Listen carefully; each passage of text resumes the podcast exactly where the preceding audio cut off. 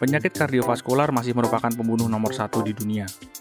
Di Indonesia sendiri, 17 juta jiwa meninggal akibat penyakit ini. Pada kasus-kasus di mana penderita mengalami henti jantung, peluang terbaik untuk selamat adalah pertolongan dari orang-orang terdekat ketika indikasi henti jantung itu timbul. Sayangnya, pendidikan mengenai bantuan hidup dasar pertolongan henti jantung di Indonesia masih sangat minim. Bahkan informasi yang kita terima sering kali beredar di sosial media, yang di mana belum tentu benar.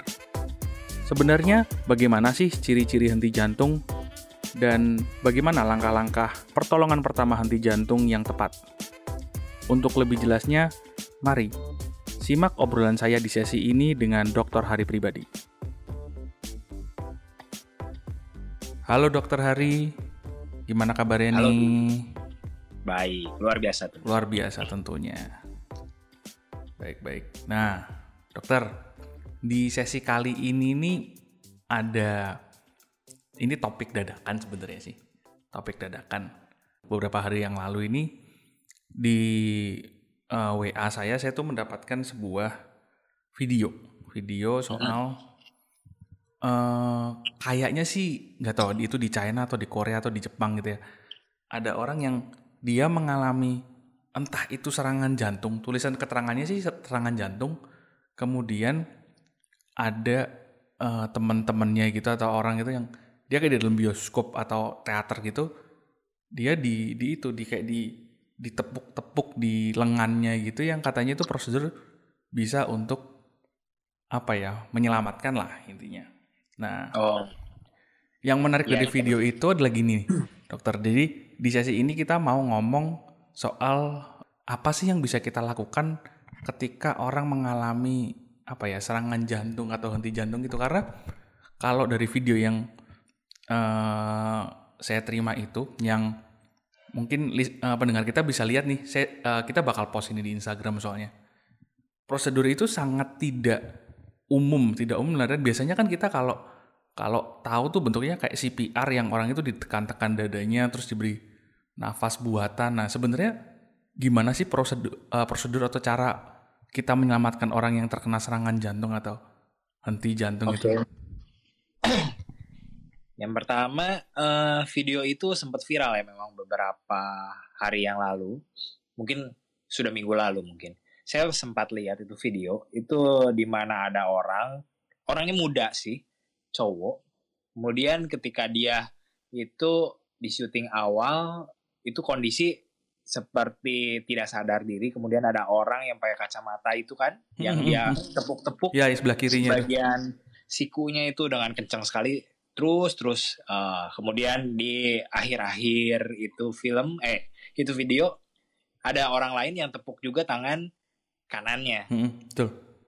nah terus diiringi dengan ada postingan yang ada disebutkan bahwa ada tiga pembuluh darah di daerah siku yang Ya. menuju paru-paru atau pembuluh darah jantung dan satu lagi yang pertama sih postingnya katanya harus ditepuknya di siku kiri tapi di di film itu malah tidak konsisten Kiri di kanan. video itu malah yang kanan ditepuk juga jadi untuk klarifikasi bahwa itu video salah satu yang hoax di dunia medics.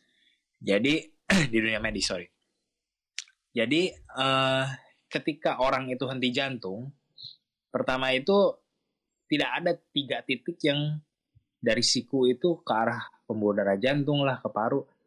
Pembuluh darah itu memang ada di seluruh tubuh kita tapi semua pembuluh darah itu kalaupun kita pijat di tangan di siku itu tidak ada gunanya kecuali kita pada saat henti jantung itu kita pijat betul-betul di daerah jantungnya itu fungsinya supaya jantungnya tertekan oleh tekanan dari tangan kita dan jantungnya ada eh, memompa darah yang ada di jantung jadi yang Ah. harus ditekan itu bukan daerah siku tapi daerah jantung itu Ah, yang pertama Oke, yang kedua kalau mungkin Hmm. saya potong nih dokter. Hmm. Kita masuk itu, sebenarnya orang yang mengalami sebenarnya gini, hen- satu henti jantung sendiri itu apa sih dan memang benar ya orang yang henti jantung itu ketika orang di istilah yang seperti prosedur ditekan dadanya itu memang bisa menyelamatkan. Jadi, henti jantung itu adalah kondisi di mana tiba-tiba jantung kita itu berhenti. Nah, ketika jantung kita tiba-tiba berhenti seperti ini, otomatis denyut jantung yang kita raba biasa di pembuluh-pembuluh darah, contohnya di pembuluh darah leher, pembuluh darah uh, ujung jari-jari seperti itu, itu tidak teraba sama sekali. Nah, itu yang kita sebut kondisi henti jantung. Nah, henti jantung ini itu bisa diakibatkan oleh tiga sebetulnya. Kelainan dari pembuluh darah jantung yang paling sering yaitu sumbatan di pembuluh darah jantung yang kita sebut sumbatan pembuluh darah koroner. Yang kedua adalah gangguan dari kelistrikan jantung yang sampai jantung itu tidak berdetak. Ketiga, gangguan dari uh, otot jantung yang dia itu otot jantungnya tiba-tiba jadi tidak bisa uh, berkontraksi atau memompa darah. Tiga kelainan itu yang biasa terjadi di jantung. Nah, um, memang dari tiga ini bisa peny suatu penyakit berjalan beriringan di tiga bagian itu terganggu semua sehingga henti jantung atau bisa juga di salah satu. Oh, tapi memang ketika memang terjadi henti jantung itu ketika langsung disadari apa istilahnya langsung kedeteksi itu memang memang bi masih bisa diselamatkan ya karena kalau anggapannya kita orang awam kan orang mengalami serangan jantung atau sampai henti jantung itu kan jantung kan organ vital banget dokter udah kayak mm -hmm. gimana tuh memang bisa diselamatkan dan kalau bisa gimana caranya itu jadi begini ketika jantung itu berhenti tiba-tiba jantung itu yang paling utama adalah dia memompa darah ke otak nah ketika jantung itu berhenti otak yang harusnya mendapat suplai oksigen dan darah itu dia akan cenderung juga berhenti bekerja. Akibatnya kesadaran seseorang itu tiba-tiba jadi hilang akhirnya biasanya pasiennya kondisi pingsan, tidak sadarkan diri seperti itu.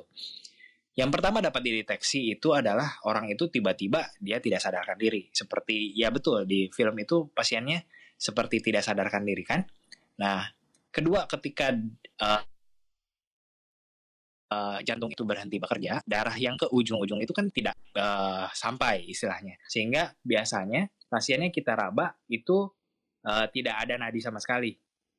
Nah, untuk dua kondisi ini ketika pasien tidak sadar dan ketika pasien tidak ada uh, denyut jantung, kita boleh langsung laksanakan langsung namanya pijat jantung. Kenapa ini harus dilakukan? Karena ada kesempatan di saat orang itu berhenti jantungnya, kita pompa dengan uh, kedua tangan kita, pompa jantung manual seperti itu, itu ada chance bahwa ada kesempatan jadi ketika pompa jantung itu kita lakukan secara manual dari luar, itu 20% darah yang ada di jantung itu bisa terpompa dibantu keluar. Nah, dengan harapan 20% darah yang terpompa ini bisa mencapai pembuluh darah otak sehingga otak bisa kembali bekerja atau jantung juga bisa mendapatkan kembali fungsinya itu beberapa saat setelah pompa jantung ini dilakukan sehingga akhirnya jantung bisa berdetak kembali. Gitu. Oke oke oke dan berarti istilahnya ketika terjadi keadaan henti jantung itu bisa bisa kita lakukan itu dengan ada prosedurnya lah intinya. Iya betul. Nah kalau yang sering kita lihat-lihat di ya di media di di TV atau di film-film itu kan apa ya, istilahnya CPR kan dokter ya? Iya. Cardiopulmonary resuscitation. Kalau bahasa itu bahasa Inggris sih. Oh, bahasa Inggris ya. Nah itu sebenarnya kapan kita harus melakukan itu dokter? Maksudnya ketika yeah. kapan kita melak apa dari keadaan kita bisa mendeteksi oh ini si orang ini kok mengalami itu mengalami henti jantung tuh kapan kita bisa mulai melakukan CPR? Nah itu. Jadi yang tadi sudah dijabarkan bahwa kondisi biasa pasien ditemukan dalam kondisi tidak sadar. Hmm. Dan kedua, tidak ada detak jantung. Ketika dua kondisi ini sudah terpenuhi, kita harus langsung melakukan uh, pijat jantung karena kesempatan terbesar untuk pasien itu bisa hidup kembali istilahnya itu adalah orang-orang terdekat yang melihat dia henti jantung. Kalau bahasa Inggrisnya kita sebut witness cardiac arrest atau henti jantung yang disaksikan. Nah, ketika orang yang di sekitarnya itu tidak terlatih untuk melakukan pijat jantung, maka kesempatan untuk orang ini bisa kembali jantungnya bekerja itu hampir sama dengan nol. Karena semakin lama jantung itu tidak bekerja, otak itu semakin tidak mendapatkan suplai oksigen dan suplai pembuluh darah, maka tingkat untuk berhasilnya uh, pasien itu kembali jantungnya berdetak itu semakin rendah. Uh, hitungannya seperti ini.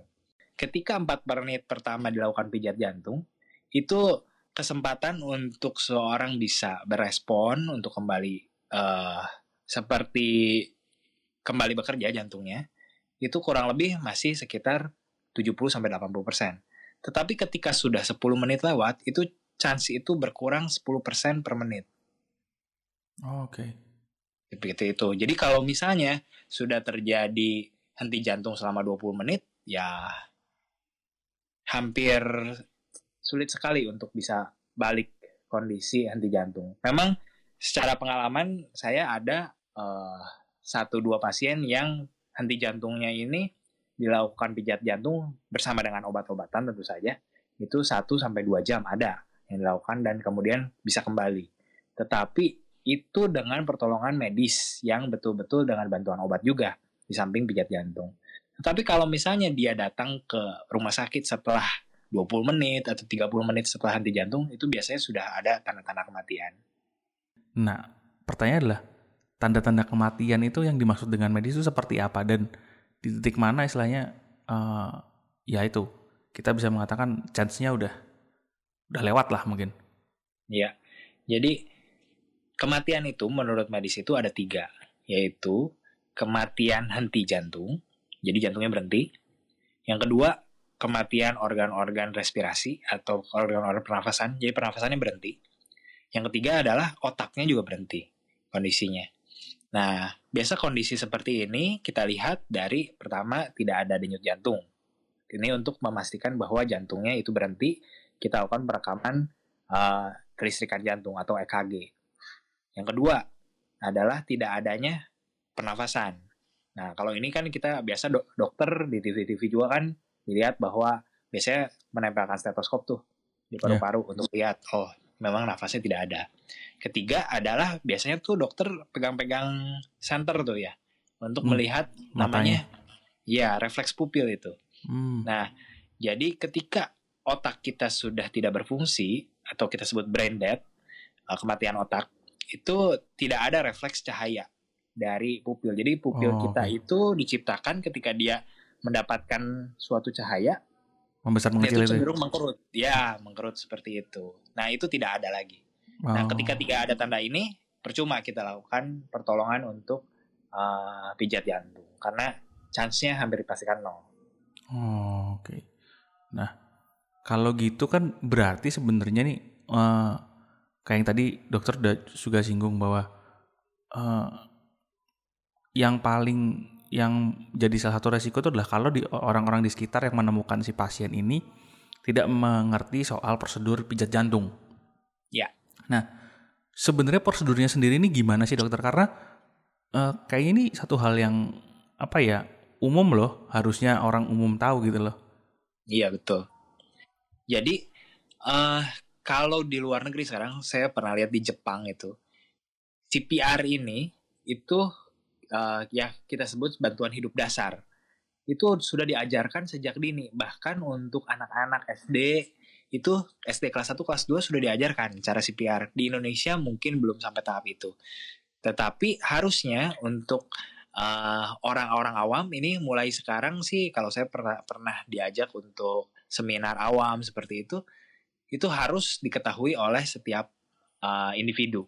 Karena yang tadi yang saya sebut pertama bahwa kesempatan terbaik untuk orang itu yang mengalami henti jantung kembali bisa berdetak kembali jantungnya adalah orang yang di sampingnya yang menyaksikan dia henti jantung.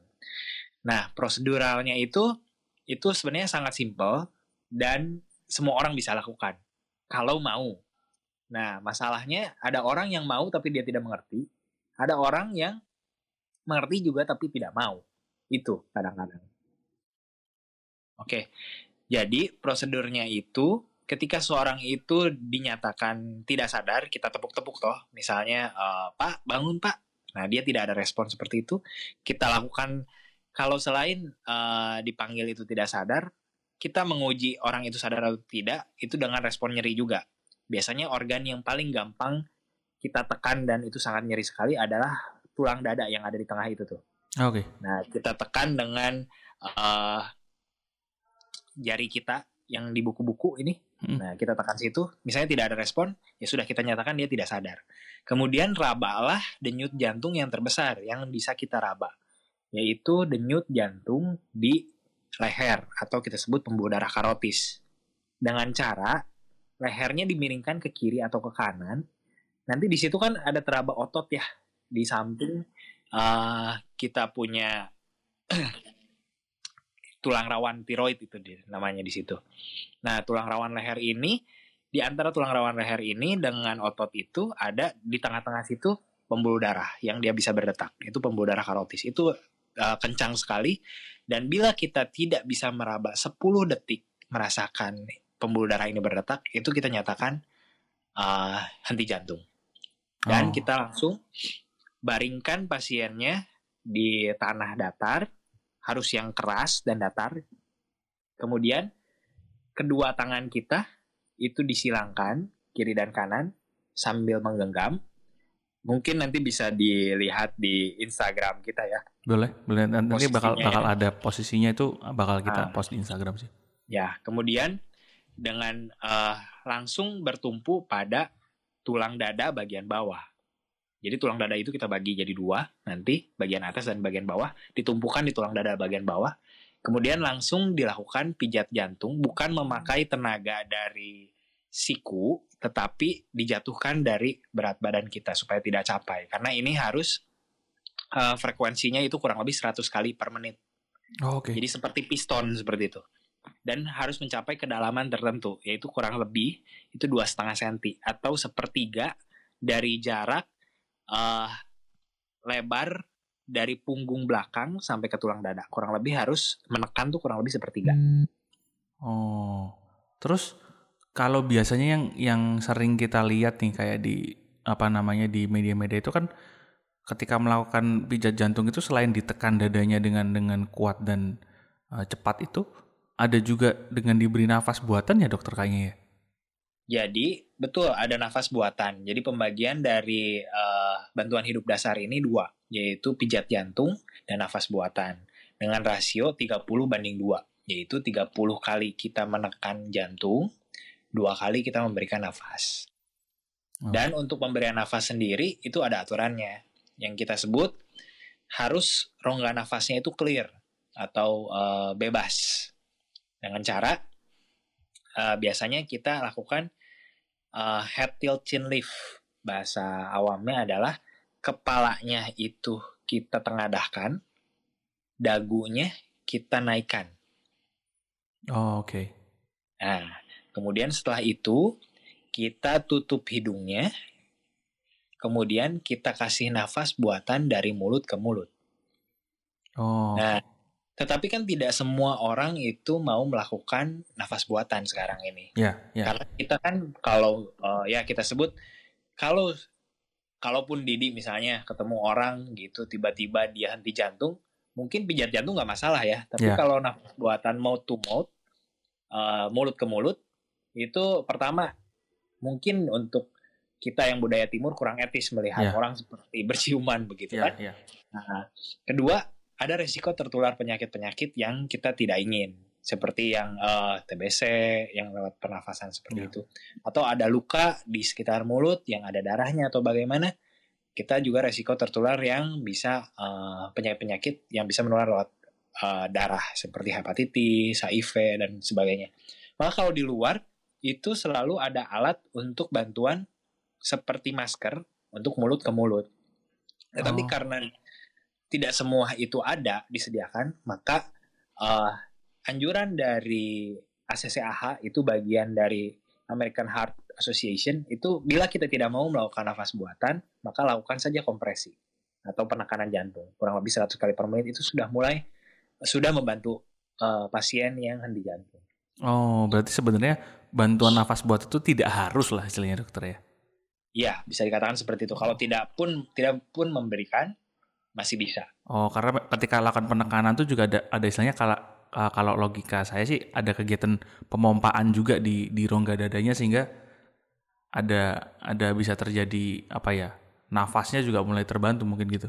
Ya, karena secara penelitian itu nafas buatan yang diberikan orang awam itu less efektif atau tidak terlalu efektif. Itu biasanya. Karena cenderung orang yang tahu pun mempraktekannya juga masih bingung pada saat kondisi panik seperti itu kan. Oh, iya iya iya iya. Gitu. Jadi sama saja seperti tidak dilakukan. Jadi daripada terinterupsi kompresinya mending lakukan saja. Kompresinya terus gitu ya. Ya. Oh. Kemudian it, ah kalau kita sudah melakukan prosedurnya nih, dokter, sudah melakukan prosedur pijat jantung, kapan sih kita tahu bahwa yang kita lakukan ini sudah cukup? Nah, ada dua kemungkinannya pasien yang dilakukan pijat jantung. Yang pertama, kalau pasiennya itu betul dihenti jantung, itu pasiennya uh, akan bangun kalau misalnya henti jantungnya, eh pijat jantungnya itu efektif. Yang kedua, kemungkinannya adalah pasien itu akan meninggal bila setelah dilakukan henti jantung setelah 20 sampai 30 menit tidak mendapatkan bantuan lain, pasiennya sudah timbul tanda-tanda kematian. Nah, ada juga yang kita sebut fake cardiac arrest atau ternyata kita salah menilai pasien itu ternyata tidak henti jantung. Ya pasiennya akan bangun karena kesakitan. Oh, tapi istilah gini, kalau kalau kalau kena uh, kondisinya misalnya gini, kondisinya memang orang itu mengalami henti jantung, jadi istilahnya memang apa dia mendapatkan pertolongan nih, memang ada yang ada yang menyadari bahwa dia setelah dicek nadinya juga dicek wah ini orang mengalami henti jantung terus kemudian dilakukan prosedur itu lakukan prosedur pijat jantung dengan benar ya ini dengan catatan dengan benar uh, terus berarti cuma cuma ketika kalau memang itu sudah akhirnya memang prosedur itu dilakukan dengan benar orang langsung akun apa si pasiennya kan langsung sadar begitu aja gitu tidak tidak biasanya pasien yang betul-betul henti jantung ketika dia jantungnya mulai berdetak kembali yang pertama kita akan temui adalah pasiennya didapatkan kembali pulsasi atau denyut jantung. Oh. Biasanya kita cek uh, nadi karotis itu atau nadi pembuluh darah uh, leher itu kurang lebih dua menit sekali. Oh, oke. Okay. Gitu. Kita raba ulang seperti itu. Sebetulnya ketika terjadi henti jantung seperti ini, orang-orang di sekitar yang lain yang melihat pasien itu henti jantung itu harusnya tidak berdiam diri, tetapi membantu mencarikan bantuan medis seperti menelpon ambulan supaya tenaga yang profesional itu cepat datang. Oh, gitu. Okay. Karena semakin uh, cepat pasien itu mendapatkan pertolongan medis yang profesional, semakin besarlah kesempatan dia untuk kembali jantungnya bisa bekerja. Karena hmm. tadi kan ada tiga yang kemungkinan kelainan. Yang pertama itu yang paling sering adalah uh, henti jantung itu akibat dari serangan jantung mendadak. Kalau pasien dengan serangan jantung mendadak seperti ini, harus sumbatan koronernya cepat dibuka seperti itu. Dengan cara nanti ada obat-obatan. Dan oh, okay. atau prosedural pasang uh, ring seperti itu. Yang kedua, kalau misalnya jantungnya itu uh, tidak memompa karena kelistrikan jantungnya yang abnormal. Itu pasien harus cepat-cepat dikejut jantung seperti itu. Tetapi tidak semua area di lingkungan kita ada alat kejut jantung kan ya, yang ya. profesional biasanya yang punya atau di airport seperti itu. Nah, yang ketiga adalah dari otot jantungnya sendiri. Siapa tahu orangnya memang sudah ada gagal jantung. Ketika dia mengalami henti jantung akibat gagal jantung, tentulah dia harus mendapatkan obat-obat untuk uh, membantu agar jantungnya bisa kembali memompa dengan baik karena otot jantungnya sudah lemah pada dasarnya. Seperti oh, itu. Oke, okay. berarti memang istilahnya prosedur ini sebaiknya kita orang awam tahu ini karena istilahnya apa ya memastikan uh, kemungkinan orang ini bisa diselamatkan oleh tenaga medis yang profesional itu lebih tinggi istilahnya ya. Ya betul. Oke oke. Nah tadi dokter jangan sampai kalau ketemu nanti orang dengan henti jantung yang satu itu setengah mati melakukan uh, pompa jantung yang lain nonton gitu. Iya sama juga nggak bakal nggak bakal nggak bakal ceritanya tidak seperti di film-film lah istilahnya langsung langsung tahu-tahu bangun bisa orangnya itu iya. lagi. Iya betul. Nah tadi dokter juga sempat uh, membahas sedikit soal kejut jantung yang biasanya kalau kita lihat di apa ya di media-media itu kayak pakai alat pengejut itu kan yang kayak setrikaan itu kan. Iya iya betul. Itu nah, defibrilator namanya. Defibrilator. Nah dia di beberapa tempat di beberapa tempat di tempat umum kayak kita lihat sekarang di kayak di bandara atau di stasiun atau di di tempat-tempat publik kan pemerintah juga udah mulai ada tuh memberikan memberikan yeah. Ya. uh, defibrilator. Yeah. Uh, sebenarnya kondisi seperti apa dan dan apakah orang awam boleh pakai itu dokter Karl? ketika terjadi kita ketemu orang yang mengalami henti jantung, apakah sebaiknya kita melakukan pijat jantung dulu atau kita langsung melakukan kejut jantung atau gimana? Karena ini jujur prosedurnya kita nggak tahu kan. Ya, jadi itu betul sekali. Jadi alat-alat yang kita sebut sekarang automated eksternal defibrilator itu sudah tersedia di bandara-bandara hampir di seluruh bandara Indonesia. Karena itu merupakan prosedural. Bahkan di mall pun kadang-kadang ada sekarang. Ya, ya, ya. Tetapi untuk orang awam sendiri kadang-kadang masih less educated atau tidak mendapatkan uh, pemahaman yang betul. Sebenarnya itu memang untuk orang awam. Jadi jangan ragu-ragu seperti uh, kalau ada kebakaran hidran itu boleh dipakai untuk semua orang kan yeah, untuk yeah. menyemprot api. Nah sama AED itu dia ditaruh di suatu kotak yang terbentuk dari uh, gelas yang sangat mudah dipecahkan itu untuk diambil oleh orang awam. Nah AED atau Automatic External Defibrillator ini dia itu uh, yang sekarang itu sudah ada petunjuknya ketika mulai dibuka. Jadi ketika dia dibuka dia bentuknya seperti dua plester besar seperti itu. Langsung uh, ada alatnya yang bentuk kotak biasanya itu mengeluarkan suara ketika dia dinyalakan. Tetapi biasanya instruksinya dalam bahasa Inggris. Oh, okay. Tinggal ikutin aja instruksinya. Pertama intinya itu adalah menaruh dua plester itu satu di bagian tengah dada, satu lagi di bagian uh, ujung dada kiri di sekitar ujung jantung. Gitu. Setelah itu nanti dia akan mendeteksi irama jantung sendiri kalau misalnya ada irama yang memang perlu dilakukan kejut jantung, maka biasanya alatnya langsung memberi petunjuk tekan tombol defib begitu. Maka kita tinggal tekan. Oh, gitu. Oke. Okay. Ya, ya ya ya dan itu istilahnya chance-nya malah lebih lebih karena karena ada alat ini bisa mendeteksi juga chance-nya dia untuk melakukan proses apa melakukan penyelamatan ini lebih lebih efektif ya dokter ya. Iya, lebih cepat gitu. Oke, okay, oke. Okay. Karena dia fungsinya adalah mengembalikan irama jantung dari dia hanya menggelepar saja. Jantung itu ketika berhenti itu bisa betul-betul berhenti atau jantungnya menggelepar sehingga dia tidak bisa memompa. Intinya kan tidak bisa memompa. Nah, ketika dia keluar irama di mana kita sebut itu VT atau VF, yaitu ventricular tachycardia atau ventricular fibrilasi, itu jantungnya dalam kondisi hanya menggelepar, menggelepar seperti itu. Itu ketika dia dilakukan kejut jantung, dia akan kembali mendapatkan irama jantung yang normal, akhirnya dia akan memompa kembali. Maka chance untuk orang tersebut kembali jantungnya berdetak akan tinggi. Terus ada lagi yang harus diketahui oleh orang awam. Jadi tidak semua irama jantung itu boleh dikejut jantung. Dan ironisnya beberapa sinetron atau film-film begitu, kita lihat tuh ketika mau dilakukan kejut jantung iramanya itu flat atau kita sebut asistol itu garis saja kan? Iya, iya. Nah, lalu dilakukan kejut jantung terus pasiennya keluar lagi iramanya. Itu ya. sama sama saja dengan pembodohan publik sebetulnya. Oh, oke. Okay. Jadi ketika irama itu sudah strip, itu tandanya tidak ada kelistrikan jantung. Percuma mau dilakukan kejut jantung berapa kali pun. Nah, kalau semua pasien itu dengan irama yang sudah strip, dilakukan kejut jantung bisa berhasil kembali, itu kalau kita pergi ke rumah jenazah, kita lakukan pemeriksaan denyut jantung ya semua pasti nggak ada denyut jantungnya, irama jantungnya itu juga pasti strip semua. Kita kejut jantung di rumah jenazah, memang bisa balik. oh, jadi sebenarnya ketika kita nonton di nonton di TV-TV itu, istilahnya biasanya kan tokohnya terus udah udah lurus gitu, di kejut jantung tuh malah malah malah. Ya itu prosedur yang salah. Oh, harusnya prosedur tadi ketika terjadi irregularity atau ketidakteraturan dari dari denyut itu seperti saya menggelepar tadi itu sudah harus dilakukan harus. kejut jantung sebenarnya ya. Iya, begitu.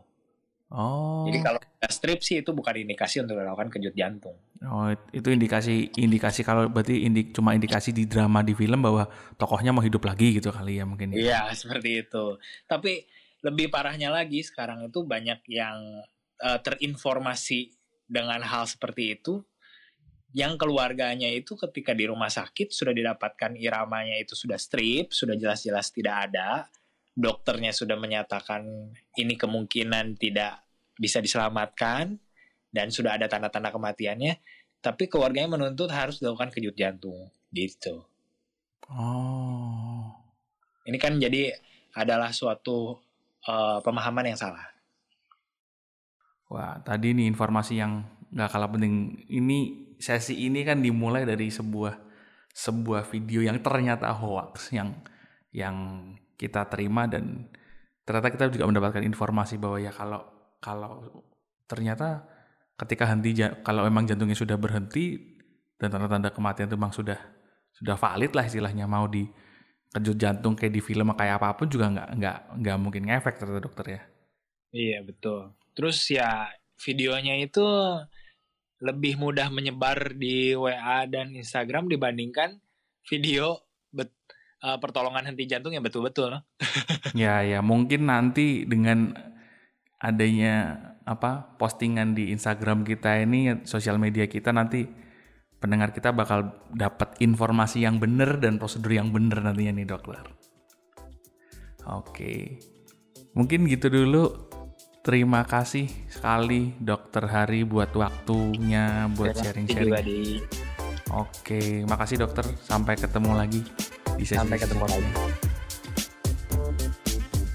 Untuk Anda yang ingin bertanya lebih lanjut mengenai topik sesi kali ini atau mengobrol dengan tim dokter di podcast dokter pribadi atau bahkan ingin menyampaikan saran mengenai topik-topik yang ingin dibahas di sesi-sesi selanjutnya, sapa kami di Instagram karena sekarang podcast dokter pribadi punya akun Instagram di @dokter.pribadi.official. Sekali lagi akun Instagram kami ada di @dokter.pribadi.official.